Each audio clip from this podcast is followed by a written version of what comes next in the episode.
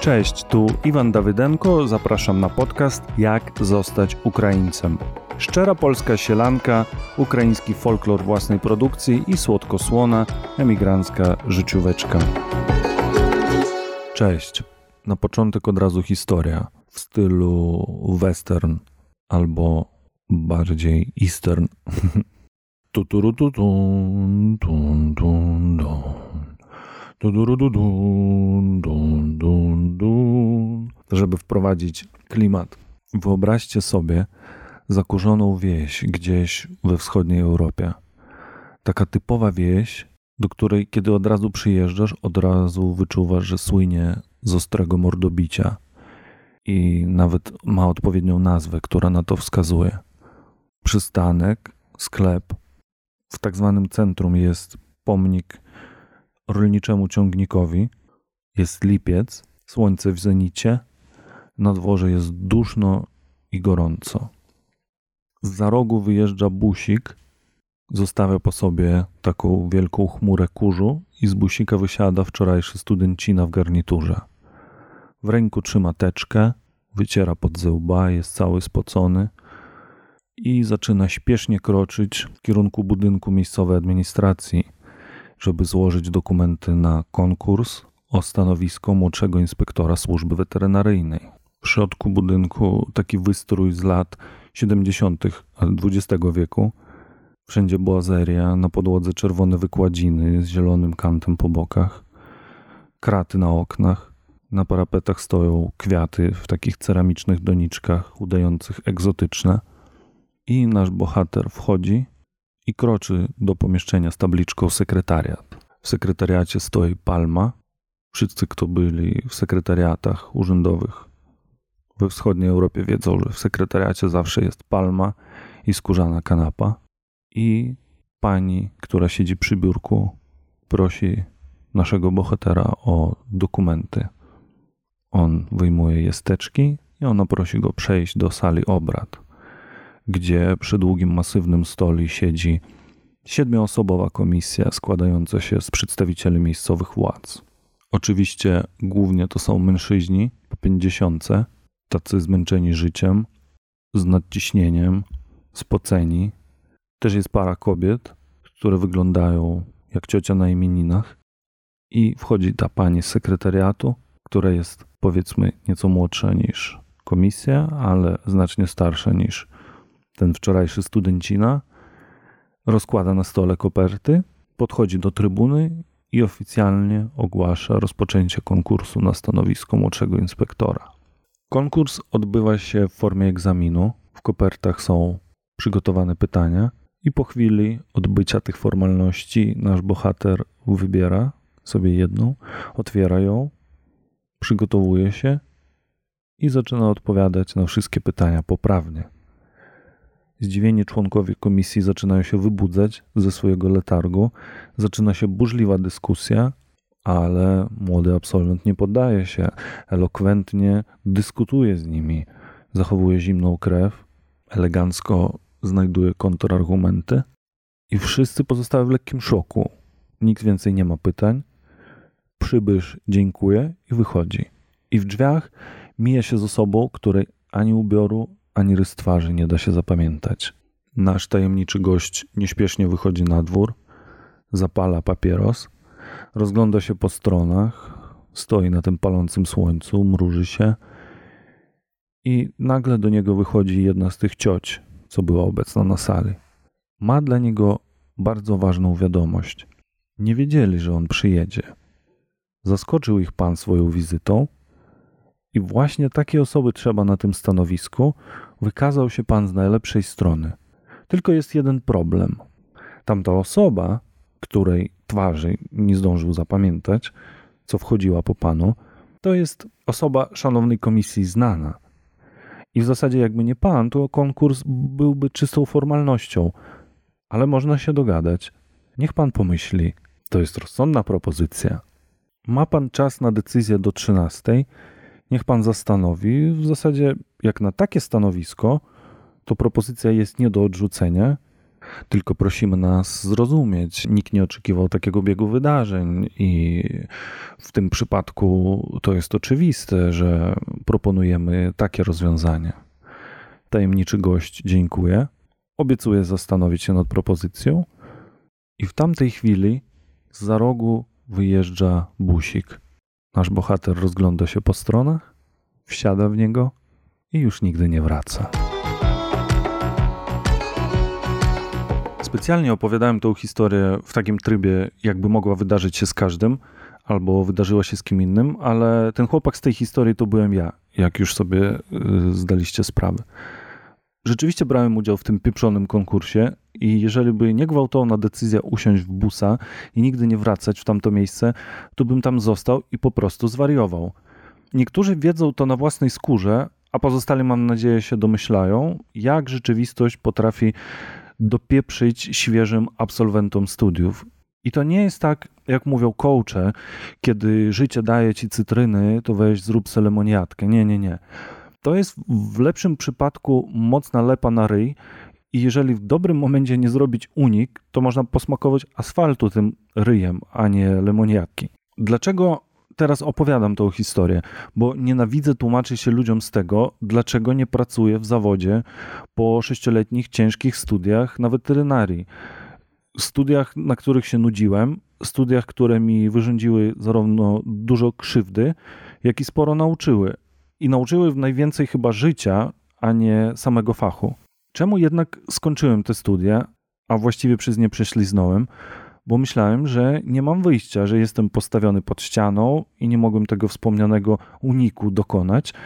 A z teraźniejszej perspektywy, patrząc na miliony ludzi, którzy cierpią przez rzeczy, na które nie mają wpływu, takie jak wojna, rozumiem, że można było tego uniknąć. Jeżeli wy i wasi bliscy jesteście zdrowi, jeżeli macie dom, to rzeczy nieuniknione, jak często potrafimy uważać, to tak naprawdę tylko projekcja umysłu to jest taki luksusowy problem dla wybranej wąskiej garstki. I o takich rzeczach nieuniknionych chciałem dzisiaj pogadać. Cztery razy próbowali mnie wywalić z tamtej weterynarii i nie udało im się. Od pierwszego momentu w ogóle wszystko tam znienawidziłem a jednocześnie kochałem i nadal kocham zwierzęta i bardzo chciałem im pomagać. Moja motywacja była jak najbardziej taka uniwersalna. I dlatego pewnie mi odpierdalało. Innych pomysłów na siebie nie miałem i bardzo szybko pojawiły się u mnie tam problemy. Studiowałem na największej uczelni w moim mieście. Mm, na studia dostałem też jako zwycięzca Olimpiady z Nauk Przyrodniczych z pierwszego miejsca. Pamiętam też ten dzień, jak rektor ściskał mi rękę, gratulował i mówił, że właśnie takich studentów nam potrzeba. Była taka uroczystość z tej okazji. Wtedy większość studiów była płatna w Ukrainie i ja studiowałem na państwowych, czyli na tak zwanym budżecie, więc mojej rodzinie też to niczego nie kosztowało, to był wielki plus. No i wszyscy też jakby mnie w tym wspierali, mówili jaki to Iwan ogarnięty chłopak. Jak zacząłem studiować, to na początku brałem udział we wszystkich uczelnianych aktywnościach, konkursach i byłem taki zuch. Jakoś pewnie była ta presja wewnętrzna we mnie i próbowałem gdzieś to powietrze spuścić, ale nagle mi po prostu tak się znudziło i jak zdałem sobie sprawę, że tak będę w tym wszystkim tkwić przez całe życie, bez wyjścia, to dopadła mnie taka nieuniknioność. To znaczy, ja sam uwierzyłem w to, czego nie ma, i jak możecie sobie domyśleć dalej, wpadłem w ten wir uczelnianych przypałów. Zrobiłem się bardzo konfliktowny, tak po prostu z nudów. Typ od fizjologii rzucał we mnie książkami, żebym się zamknął. Nasz opiekun roku, taki twardy facet, który, wiecie, był takim naszym ojcem chrzestnym, kilka razy chciał mi literalnie wpierdolić. A w ogóle mniej ważni wykładowcy to po prostu nie odpuszczali okazji, żeby jakoś mi życie uprzykrzyć. Dostawałem takie absurdalne od nich zadania typu przyprowadzić krowę ze szkoleniowej fermy do pokoju, gdzie mieliśmy zajęcia, kiedy jest zimno i wszędzie lód, a krowy, wiecie, to zwierzęta bardzo delikatne i dostają ataków paniki na lodzie i wtedy robią się bardzo niebezpieczne też. Cztery razy mnie próbowali stamtąd wywalić, ale w momencie, kiedy to się działo, dostawałem jakiejś niesamowicie silnej mobilizacji procesów myślowych i kułem na przykład w jedną noc materiały z rocznego kursu, który prawie cały przewagarowałem. Albo nagle włączał mi się negocjator level Wall Street, albo po prostu, mm, no wiecie, jak to u nas mówili, wspierałem materialną bazę akademii, a najczęściej kadry. Nie chcę, nie chcę mówić tego słowa bezpośrednio tu. W pewnym momencie, gdzieś w połowie studiów, zrobiłem się też mistrzem uczelnianej biurokracji. Do dziekanatu bez cukierek w ogóle nie wchodziłem. Oni mnie tam tak nienawidzili, a ja nienawidziłem ich, więc w tej sytuacji takiego braku wzajemnego szacunku i zaufania, no musiałem się jakoś zabezpieczać. I przez to też znałem wszystkie przypisy uczelniane, kiedy jest drugi termin, kiedy obowiązuje trzeci, jakieś tam poprawki, komisy, podania do rektora. To wszystko mi teraz przypomina proces kawki, tylko taki odwrócony. Nie instytucja wybrała mnie jako ofiarę, a ja sam sobie wybrałem takiego przeciwnika albo kata i, i, cały czas przechodziłem przez te wszystkie rzeczy. No taki mazochizm po prostu w największym stopniu. I było jeszcze dwie rzeczy, które, jak mi się wydawało, wtedy nie można było uniknąć. Pierwsza z nich to było to, że studiując na budżecie, trzeba było zwracać pieniędzy w przypadku niepowodzenia tam uczelnianego albo niepracy w zawodzie. I w tamtym okresie mm, przy władzy prezydenta Janukowycza prokuratura po prostu ścigała tych wszystkich absolwentów. A druga rzecz, większa i bardziej dla mnie straszna, było to, że obowiązek wojskowy nikt nie odwołał. Tym bardziej, że moja rodzina patrzyła na to pozytywnie, w nadziei jej na to, że służba w wojsku zrobi ze mnie porządnego mężczyznę, obywatela i tak dalej. A w ogóle moja krótka przygoda ze służbami mundurowymi zaczęła się i skończyła w wieku pięciu lat, kiedy dostałem od rodziców zestaw policjanta, wtedy w 90 zabawkę deficytową, no i skułem starego plastikowymi kajdankami. Wyobraźcie, noc sylwestrowa za 5.12, a kluczyk gdzieś się zapodział. I na szczęście wszystko się skończyło dobrze, ale można powiedzieć, że to była taka moja pierwsza i ostatnia lekcja ACAB i pacyfizmu. Już nigdy mnie ten zestaw nie pociągał. Ale wracając do uczelnianego klimatu, to no, kiedy kończyłem te studia, to nasz prodziekan przyszedł pocałować rączki mojej mamie ze szczęścia, że więcej mnie nie zobaczy. Mówił, że takich egzemplarzy jak ja zapomnieć się nie da. I, I w ogóle z nim przeżywaliśmy całe spektrum możliwych emocji, od wzajemnego szacunku i sympatii, no bo to jednak był dobry człowiek, do po prostu wzajemnej nienawiści. Pamiętam ostatni czwarty raz, jak mnie chcieli wyrzucić, kiedy wykładowcy już naprawdę oni nie wiedzieli, jak ze mną sobie poradzić i wymyślili specjalne zadanie, które polegało na naprawie uczelnianego chromatografa. Teraz mały off-top, czym jest chromatograf? To jest takie narzędzie laboratoryjne, które często używają między innymi w toksykologii, czyli do wykrywania toksycznych substancji w biologicznym materiale, tak?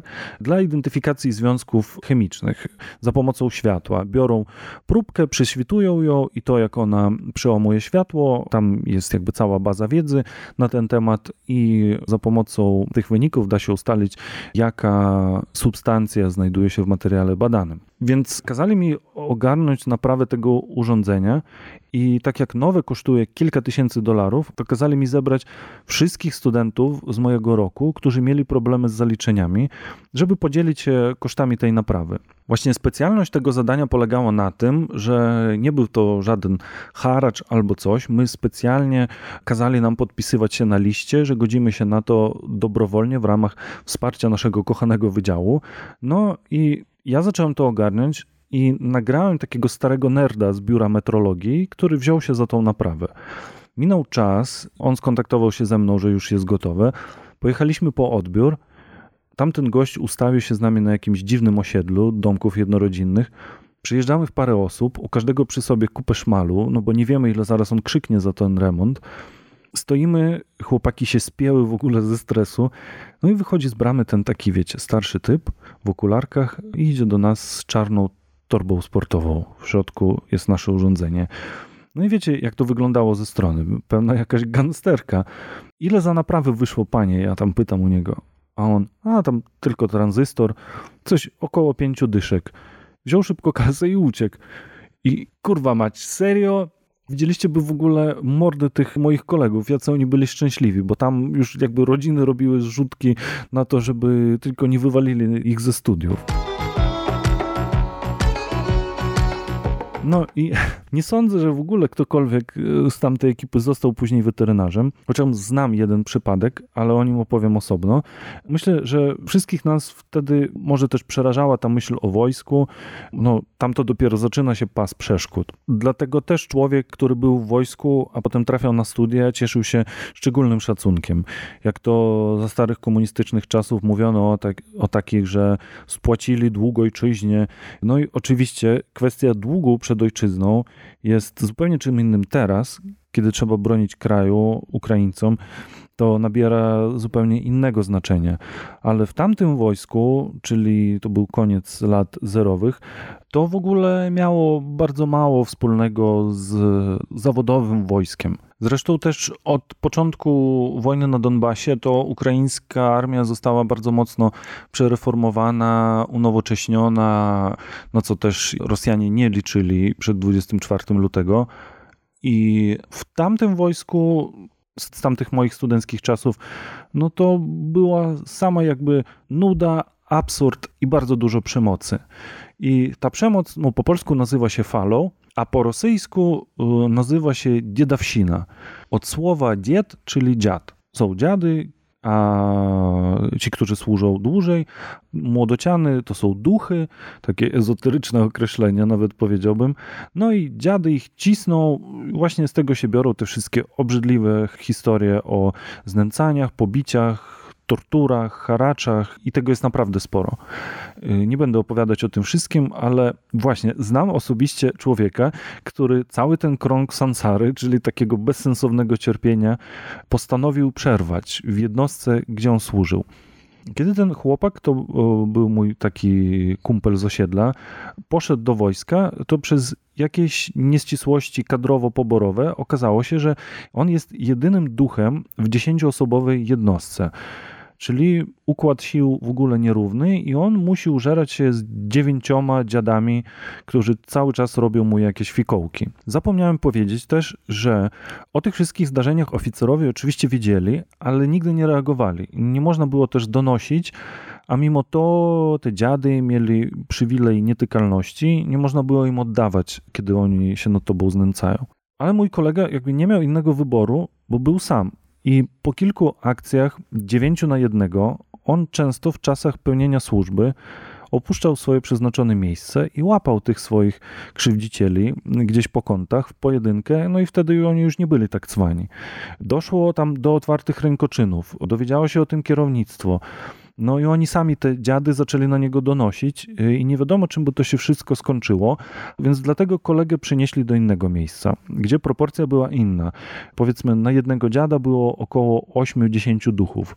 No i w takich wypadkach, kiedy ilość duchów była jednak większa, ten system przewidywał coś w rodzaju po prostu rytuału przejścia, typu klepania pasami albo jakiś haracz w postaci flaszki i kiełbasy, ale jakby przemoc wciąż miała miejsce, ale nie była aż na taką skalę rozwinięta.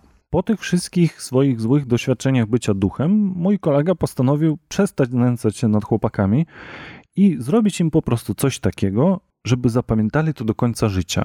Totalnie bezprzymocowego, totalnie prostego. Egzamin z geografii. Temat stolicy Europy duchy dostały zadanie przygotować się y, do egzaminu, przygotować salę egzaminacyjną, żeby był biały obrus, żeby kaligraficznie wypisana była lista egzaminacyjna, żeby wszystko było pięknie jak na uczelni, na pewnym oficjelu. Taka szopka, wiecie. Kolega przygotował dla nich materiały metodyczne, czyli wykaz 50 stolic Europy, z których ich egzaminował. No i okazało się, że dla niektórych nie było rzeczy gorszych do wyobrażenia, że ktoś ich będzie egzaminował z czegoś, z czegoś, czego, oni nie wiedzą. No bo też do wojska, wiadomo, nie trzeba nawet szkoły kończyć, żeby tam iść. Podobno w ogóle jeden typ prawie zemdlał na tym egzaminie.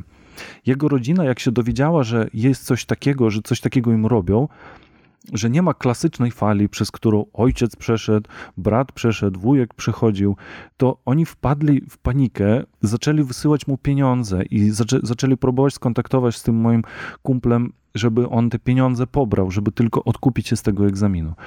No i generalnie ten egzamin to była pełna demoralizacja, bo oni błagali kolegę, byli gotowi po prostu mówili, że chcemy wpierdol, chcemy tortury, oby tylko nie robić tego egzaminu, to jest najgorsze. No, ale cóż, w moim mniemaniu kolega się starał jak najbardziej, żeby być bezprzemocowym. No, dla mnie też taki egzamin to byłoby w ogóle na raz, dwa, no ale nie wszyscy się nadają do służb. E, ja się nie nadaję do służb, trochę inny skład umysłu. Więc tak, rytuały przejścia to jest bardzo ciekawy temat. Bardzo. Ja, ja znam jeszcze jeden, jedną historię z tym związaną. Mój kumpel, kumpel już polski, dostał dyscyplinarkę w szkółce piłkarskiej, bo na komórce jednego z uczniów jego rodzi, rodzice znaleźli nagranie relacjonujące taki, taki właśnie rytuał przejścia. I tak się trafiło, że niczyjej twarzy nie było wyraźnie widać na tym filmiku poza twarzą e, tego mojego kolegi. I przez to, że jego rozpoznali, to on miał później bardzo poważne problemy. W końcu opuścił internat, też opuścił tą szkołę, kończył już zwykłe liceum. I być może wiecie, polska piłka nożna straciła światowej klasy zawodnika przez takie młodzieńcze wygłupy, ale w późniejszej perspektywie też jakby sport jednak wygrał. Okazało się, że zdecydowanie sportowe zdolności kolegi są bardzo, bardzo wysokie, bardzo przydatne, są w sztukach walki. Wiem, że koleżko tego słuchasz i życzę Ci, mój drogi, wygranych Mistrzostw Europy, tak jak sobie to zaplanowałeś. A odnośnie rytuału, to sam rytuał polegał na tym, że podstępem starszy rocznik pod pretekstem takiej próby wytrzymałości, pod pretekstem próby mięśni brzucha, upokarzał po prostu pierwszaków. Więc dwóch typów rozciągało pierwszaka, trzymając go za nogi i ręce, a on musiał napiąć brzuch, no i ciało wtedy jakby naturalnie podnosi się do góry najprościej by było zrobić taki, wiecie, taki gwałtowny ruch, jakby wyrwać się. No i on miał zawiązane oczy, ten pierwszak, i zanim on to zrobił, nad nim stawał ktoś z gołą dupą po treningu i wychodziło tak, że pierwszak z rozpędu twarzą całą lądował między pośladkami. Chociaż nie wiem, czy rytuały przejścia są rzeczami, których można uniknąć, pewnie nie. Też nie wiem, czy ulżyłoby komuś z tych ludzi, jakbym podszedł do nich i powiedział, że wszystkiego można uniknąć. No na pewno nie, ale wciąż wierzę, że większość rzeczy uniknąć się da. Zależy tylko, wiecie, jakie koszty ponosimy i czy dysponujemy środkami do tego. Ja miałem widocznie dużo czasu i sił, skoro studiowałem tą weterynarię i tego nie rzucałem. Dużo jednak nauczyłem się w trakcie tych studiów jednak. Jestem nawet za to im wdzięczny wykładowcom i kadrze. Oczywiście nie mam na myśli robienia zastrzyków, chociaż też to potrafię zrobić i inne manipulacje ze zwierzętami, ale patrzcie, walka z dziekanatem nauczyła mnie, czym jest biurokracja. I po tamtych przejściach powiem Wam, że Polacy lubią narzekać na polskie urzędy, a naprawdę polscy urzędnicy to są aniołki. Albo ogarnianie stada typów, którzy siedzą gdzieś tam, chleją w akademiku i nic nie robią, a wiecie, my musimy zrobić rzutkę, znaleźć majstra, który naprawi nam tam to urządzenie i mm, też jeżdżenie, gdzieś szukanie, zbieranie hajsu. No w ogóle z tego robi się naprawdę skomplikowany startup. No i skoro powiedziałem o kosztach i o środkach, no to rzecz jasna, jeżeli mamy czegoś dużo, dużo środków, to wiele rzeczy można uniknąć. No, zobaczcie, popatrzcie na ukraińskich oligarchów, którzy mieli informacje o początku wojny wcześniej, gdzieś tam z własnych źródeł i po prostu przed 24 lutego opuszczali hurtowo Ukrainę ze swoimi rodzinami, ze swoimi współpracownikami i tak. Ukraińskie media w ogóle wtedy przez kilka dni nadawały z lotniska w Kijowie reportaże o kolejnych postaciach, które wyłaniają się gdzieś tam i opuszczają kraj w pośpiechu. Większość społeczeństwa oczywiście nie mogła wiedzieć o tym, że zacznie się wojna. Też było tak, że wszyscy wierzyli jednak do końca, że nie. Ja znam osobiście bardzo dużo ludzi, którzy zaprzeczali jakiekolwiek zagrożenie aż do momentu, jak to ich nie dotknęło osobiście. Tak w ogóle aż do pierwszego momentu, jak nie zaczęli spadać rakiety i bomby na moje miasto, to moja siostra przykładowo w to nie wierzyła. I w ogóle to jest też taka nasza ludzka właściwość odraczać w umyśle możliwe zagrożenie, jak tylko długo się da. No, cokolwiek może się stać, y, to nie ze mną. Co złego, to nie ze mną, rozumiecie? I już kończąc temat rzeczy nieuniknionych i ich związków z naszymi środkami, jest też takie ciekawe zjawisko jak instant karma. Chociaż instant karma opiera się po prostu na ignorowaniu pewnych rzeczy, ale jej najczęstszym przypadkiem jest mandat w komunikacji miejskiej. I kto nie miał ręka do góry, kto też, kiedy go dostawał, zanim go dostał, nie myślał o tym, że e, tam dwa przystanki na gapę, to co może się stać? Przecież nigdy nie jeżdżą tu Kanary o tej porze. Jest w ogóle taka anegdota, e, że kiedyś przyjechał do Polski buddyjski lama i ktoś zadał mu pytanie, jak jeżdżenie na gapę wpływa na jego karmę. No i lama zastanowił się i odpowiedział: Możesz jeździć, ale pamiętaj, że wtedy odrodzisz się znowu w Polsce. Więc a propos, a propos instant karmy, to no, nic co ludzkie nie jest mi również obce. I raz miałem tak po prostu niezłą nauczkę. Wiecie, kiedyś pewien cwaniak powiedział mi, że kiedy Kanary wypisują mandat y, jemu, to on podaje nieprawdziwe dane. No bo nie zawsze oni jeszcze wtedy sprawdzali dowody. A on mówi też, że zapomniał dowód i wtedy wpisuje dane, na przykład sąsiada albo najlepiej to znajomemu, znajomego, z którym ma kosę no i pewnego dnia mi się bardzo gdzieś śpieszyło i musiałem podjechać tylko te dwa po prostu pieprzone przystanki i nawet portfelu ze sobą nie miałem, no i mnie łapią. Wtedy było tak, że ten kwit też wypełniałeś sam ręcznie. No i ja wypełniłem, wszystko gra i nagle babka patrzy w ten kwit i mówi, że ej, jest zły kod pocztowy. ja do niej coś zaczynam mówić, ona mnie coś pyta i ona w tym momencie kapuje, że no wcale to nie jest lubelski zaśpiew, tylko taki konkretny akcent gdzieś tam z serca Ukrainy. Wydobywam siebie i wtedy zaczynają się po prostu dziać rzeczy kosmiczne. Ona mówi, że dzwoni na policję. Jedna kobietka taka starsza, jak dawaj mnie po prostu trząść, dawaj mnie straszyć, że za podanie fałszywych danych grozi mi kara, plus do tego mandat, plus kara za zatrzymanie pojazdu, bo teraz jedziemy na końcowy i tam będzie czekać na nas radiowóz i już mi wiecie, włącza mi się taki licznik po prostu w głowie i, i liczę już koszty w tysiącach tej mojej dwuprzystankowej przyjażdżki. E, więc ja dzwonię szybko do siostry, jej chłopak, który, który w zasadzie właśnie mnie tej sztuczki z mandatem nauczył, bierze taksówkę, jedzie z tą gotówką mnie wyciągnąć, żeby zapłacić im i oni, żeby mnie puścili, bo to była jedyna opcja, jak z tego wszystkiego wyjść. Więc ja siadam, te stare baby obok mnie siadają na siedzeniach, żebym ja tam im nie uciekł. No i jedziemy na ten końcowy. A naprzeciwko mnie siedzi starszy pan. I nagle zaczyna, tak wiecie, podnosi głowę i patrzy mi prosto w twarz, jakby chciał powiedzieć coś takiego bardzo ważnego, i ja czekam na ten moment, bo wiecie, on obserwował całą tą sytuację i ja myślę, oto nadchodzi mądrość, której zaraz doświadczę i zapamiętam na całe życie. A staruszek mówi, proszę pana, jak będzie pan w Biedronce, to polecam gulasz angielski. Ma najlepszy skład, 86% mięsa.